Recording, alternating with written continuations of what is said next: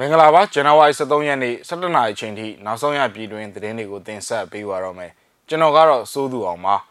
ဝနမောင်လင်တပ်ဖို့ပြင်နေတဲ့အာဆီယံနိုင်ငံခြားရေးဝန်ကြီးများအစည်းအဝေးကိုရက်အကန့်အသတ်မရှိရွှေ့ဆိုင်းထားလိုက်ပါတယ်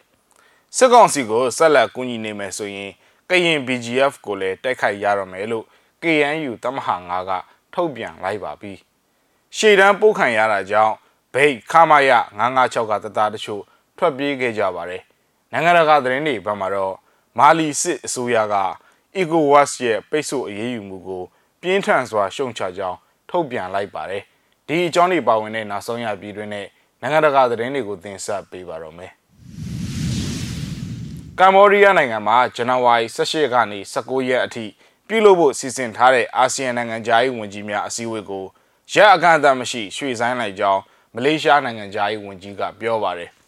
အာဆီယံနိုင်ငံခြားရေးဝန်ကြီးများအစည်းအဝေးကိုဝန်ကြီးတွေကအကြောင်းမျိုးမျိုးကြောင့်မတက်ရောက်နိုင်တဲ့အတွက်ရွှေ့ဆိုင်းလိုက်တာလို့ကနဦးသိရပါတယ်။ဇန်နဝါရီ20ရက်နေ့အထူးပါလီမန်အစည်းအဝေးနဲ့ Omicron COVID ရောဂါကြောင့်ကျွန်တော်တက်ရောက်နိုင်မှာမဟုတ်တော့ပါဘူး။အာဆီယံအစည်းအဝေးကိုတက်မယ်ဆိုရင်လွှတ်တော်အစည်းအဝေးကိုတက်ရောက်နိုင်မှာမဟုတ်တာကြောင့်လို့မလေးရှားနိုင်ငံသားရေးဝန်ကြီးကပြောပါတယ်။ရင်းအတွက်ကြောင့်အခုနှစ်အာဆီယံအလဲကျဥက္ကဋ္ဌတာဝန်ယူတဲ့ကမ္ဘောဒီးယားအတွက် အစမကောင်းတဲ့အခြေအနေတစ်ခုလည်းဖြစ်ခဲ့ပါတယ်။ကမ္ဘောဒီးယားမှာကျင်းပမဲ့အာဆီယံနိုင်ငံသားရေးဝန်ကြီးများအစည်းအဝေးကိုမြန်မာတက်ရောက်မဲ့ကိစ္စနဲ့ပတ်သက်လို့အမြင့်တွေအမျိုးမျိုးဖြစ်ပေါ်က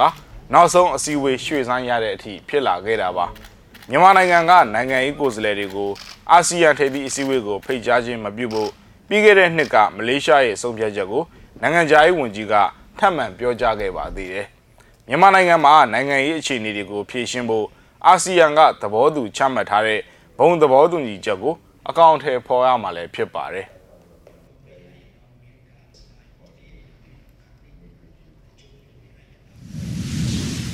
ကရင်နယ်ကြားဆောင်တပ်ဖွဲ့ BGF တွေအနေနဲ့လာမယ့်ဇန်နဝါရီ15ရက်ကစလို့စစ်ကောင်စီကိုပူးပေါင်းကူညီတာမျိုးမလုပ်ဖို့ကရင်အမျိုးသားအစည်းအရုံး KNU တမဟာ9တမဟာမူဘုံမှုချုပ်စောမှုဟဲကလက်မှတ်ရေးထိုးထုတ်ပြန်လိုက်ပြီး ဆက်လက်ပံ့ပိုးကူညီနေမယ်ဆိုရင်ကရင်အချင်းချင်းမတိုက်ခိုက်လို့ပေမဲ့ကရင် BGF ကိုတိုက်ခိုက်ရတော့မယ်လို့ဖော်ပြထားပါတယ်။လက်ရှိမှာအာနာသိန်းစစ်ကောင်စီတပ်လောက်အောက်ခံကရင် BGF အနေနဲ့စစ်ကောင်စီကစီခိုင်းတဲ့အတိုင်းလှုပ်ဆောင်နေကြောင်း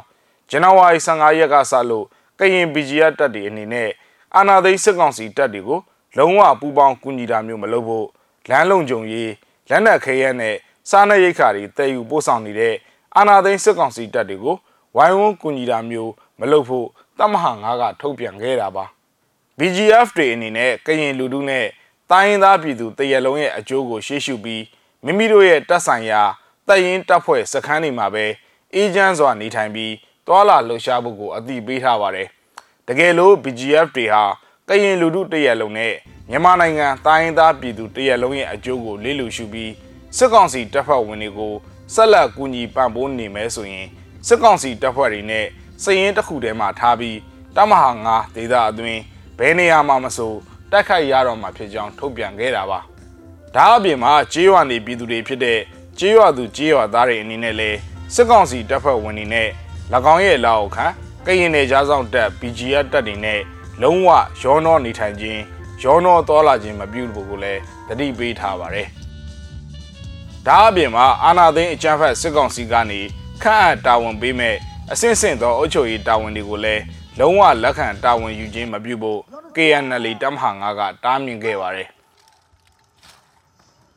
KNU ရဲ့ဗဟိုလမ်းညွှန်ချက်အတိုင်းစီမင်းစည်းကမ်းတွေကိုလိုက်နာပြီးကြေးရွာပြည်သူတွေကရွေးချယ်တင်မြှောက်ထားတဲ့ကြေးရွာမြို့နယ်ခရိုင်တို့ကခေါင်းဆောင်တွေရဲ့ဥဆောင်မှုကိုလေးစားလိုက်နာကြဖို့ကိုလည်းထုတ်ပြန်ချက်မှာဖော်ပြထားပါတယ်ခင်ဗျာ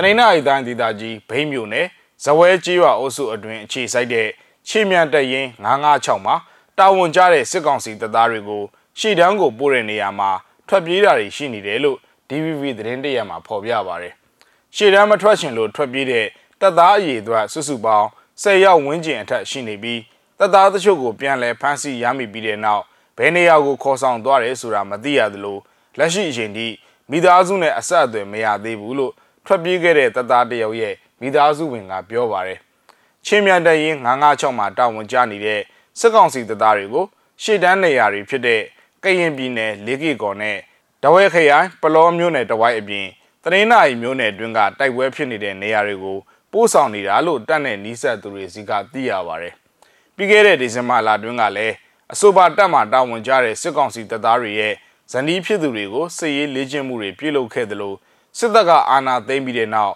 တပ်အသီးသီးမှာအခုလိုမျိုးထွက်ပြေးမှုတွေရှိနေတဲ့အတွက်တပ်တွင်းလုံခြုံရေးကိုလည်းအရင်ကထပ်ပို့ပြီးတော့တိုးချဲ့ချထားတာတွေရှိနေပါတယ်ခင်ဗျဆက်လက်ပြီးတော့နိုင်ငံတကာသတင်းတွေဘက်ကိုလည်းသွားရအောင်ပါမာလီစစ်အစိုးရက ECOWAS ရဲ့ပိတ်ဆို့အရေးယူမှုကိုပြင်းထန်စွာရှုံချကြောင်းထုတ်ပြန်လိုက်ပါတယ်အပြည့်အစုံကိုကြည့်အောင်ပါအနောက်အာဖရိကနိုင်ငံများဆိုင်ရာစီးပွားရေးအတိုင်အဝန်း ECOWAS က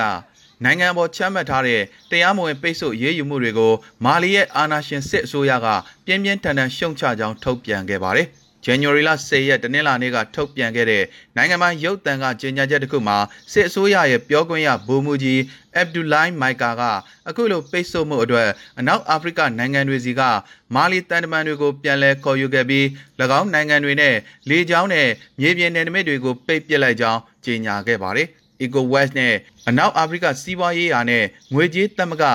UEMOA တို့ဟာနေဆက်နဲ့ကုန်သွယ်မှုပိတ်ဆို့ခြင်းတွေအပါအဝင် မာလီနိုင်ငံအပေါ်စီးပွားရေးနဲ့တန်တမာရေးရာဒဏ်ခတ်မှုအစီအမံများစွာကိုတနင်္ဂနွေနေ့ကချမှတ်လိုက်ပြီးစစ်အစိုးရရဲ့နောက်ထပ်နှစ်ပေါင်းများစွာအာဏာဆုပ်ကိုင်ထားမယ့်ရည်ရွယ်ချက်ကို လုံးဝလက်မခံနိုင်ကြောင်းပြောကြားခဲ့ပါတယ်။နှစ်ကြိမ်တိုင်အောင်အာဏာသိမ်းယူခဲ့တဲ့စစ်အစိုးရရဲ့မာလီမှာအရက်ဖက်အုပ်ချုပ်ရေးပြန်လည်ထူထောင်မယ်ဆိုတဲ့အချိန်စရာနဲ့ပတ်သက်လို့တင်းမာမှုတွေမြင့်တက်လာခဲ့ပြီးလအတန်ကြာတဲ့နောက်ဂါနာမှာဒေတာတွင်းကောင်းဆောင်တွေတွေ့ဆုံဆွေးနွေးခဲ့ကြပြီးယခုလိုတန်ခတ်ပိတ်ဆို့မှုလုပ်ဖို့ဆုံးဖြတ်ချက်ထွက်ပေါ်လာခဲ့တာဖြစ်ပါတယ်။မာလီအစိုးရကဒီတရားမျှတမှုမရှိတဲ့ပိတ်ဆို့အရေးယူမှုတွေကိုပြင်းပြင်းထန်ထန်ရှုံချပါတယ်လို့စစ်အာဏာသိမ်းအစိုးရရဲ့ထုတ်ပြန်ချက်မှာဖော်ပြထားပါတယ်။ EcoWest နဲ့ UEMOA တို့ဟာဂျီဟတ်တပုံထားမှုကိုတိုက်ခိုက်နေတဲ့ပြင်သစ်ကဲ့သို့သောမာလီရဲ့လုတ်ဖော်ကင်ဘတ်တွေကိုရည်ညွှန်းပြီးလုံခြုံရေးအကြောင်းပြချက်နဲ့အင်အားအလွန်ကျွံသုံးစွဲနေတယ်လို့ဆွဆွဲထားပါတယ်။လုံခြုံရေးနဲ့ကျန်းမာရေးအကြက်တဲတွေကြောင့်ဆိုးရွားစွာထိခိုက်ခံစားနေရတဲ့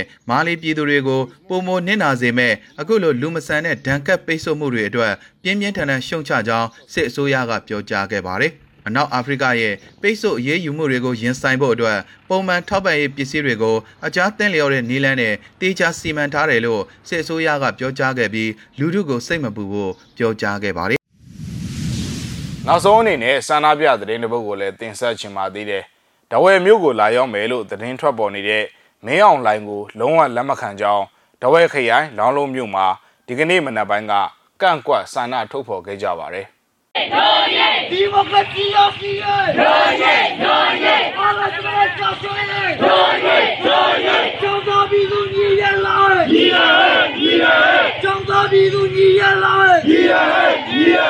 မေအောင်လိုက်မေအောင်လိုက်မေအောင်မေအောင်မေအောင်လိုက်မေအောင်လိုက်မေအောင်မေအောင်တော်ပြည်သူရညီရလာညီရ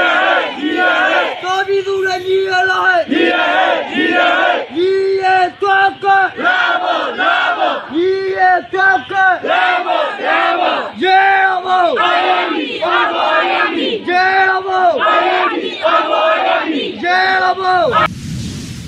မြစီမရဲ့သတင်းအစီအစဉ်ကိုဒီမှာခဏရနာကြပါတယ်ကြည့်ရှုခဲ့ကြတဲ့မိဘပြည်သူတူးချင်းစီကိုကျေးဇူးအထူးပဲတင်ရှိပါတယ်ကျွန်တော်တို့သတင်းနဲ့အတူတူပြန်ဆောင်ကြပါဦးမယ်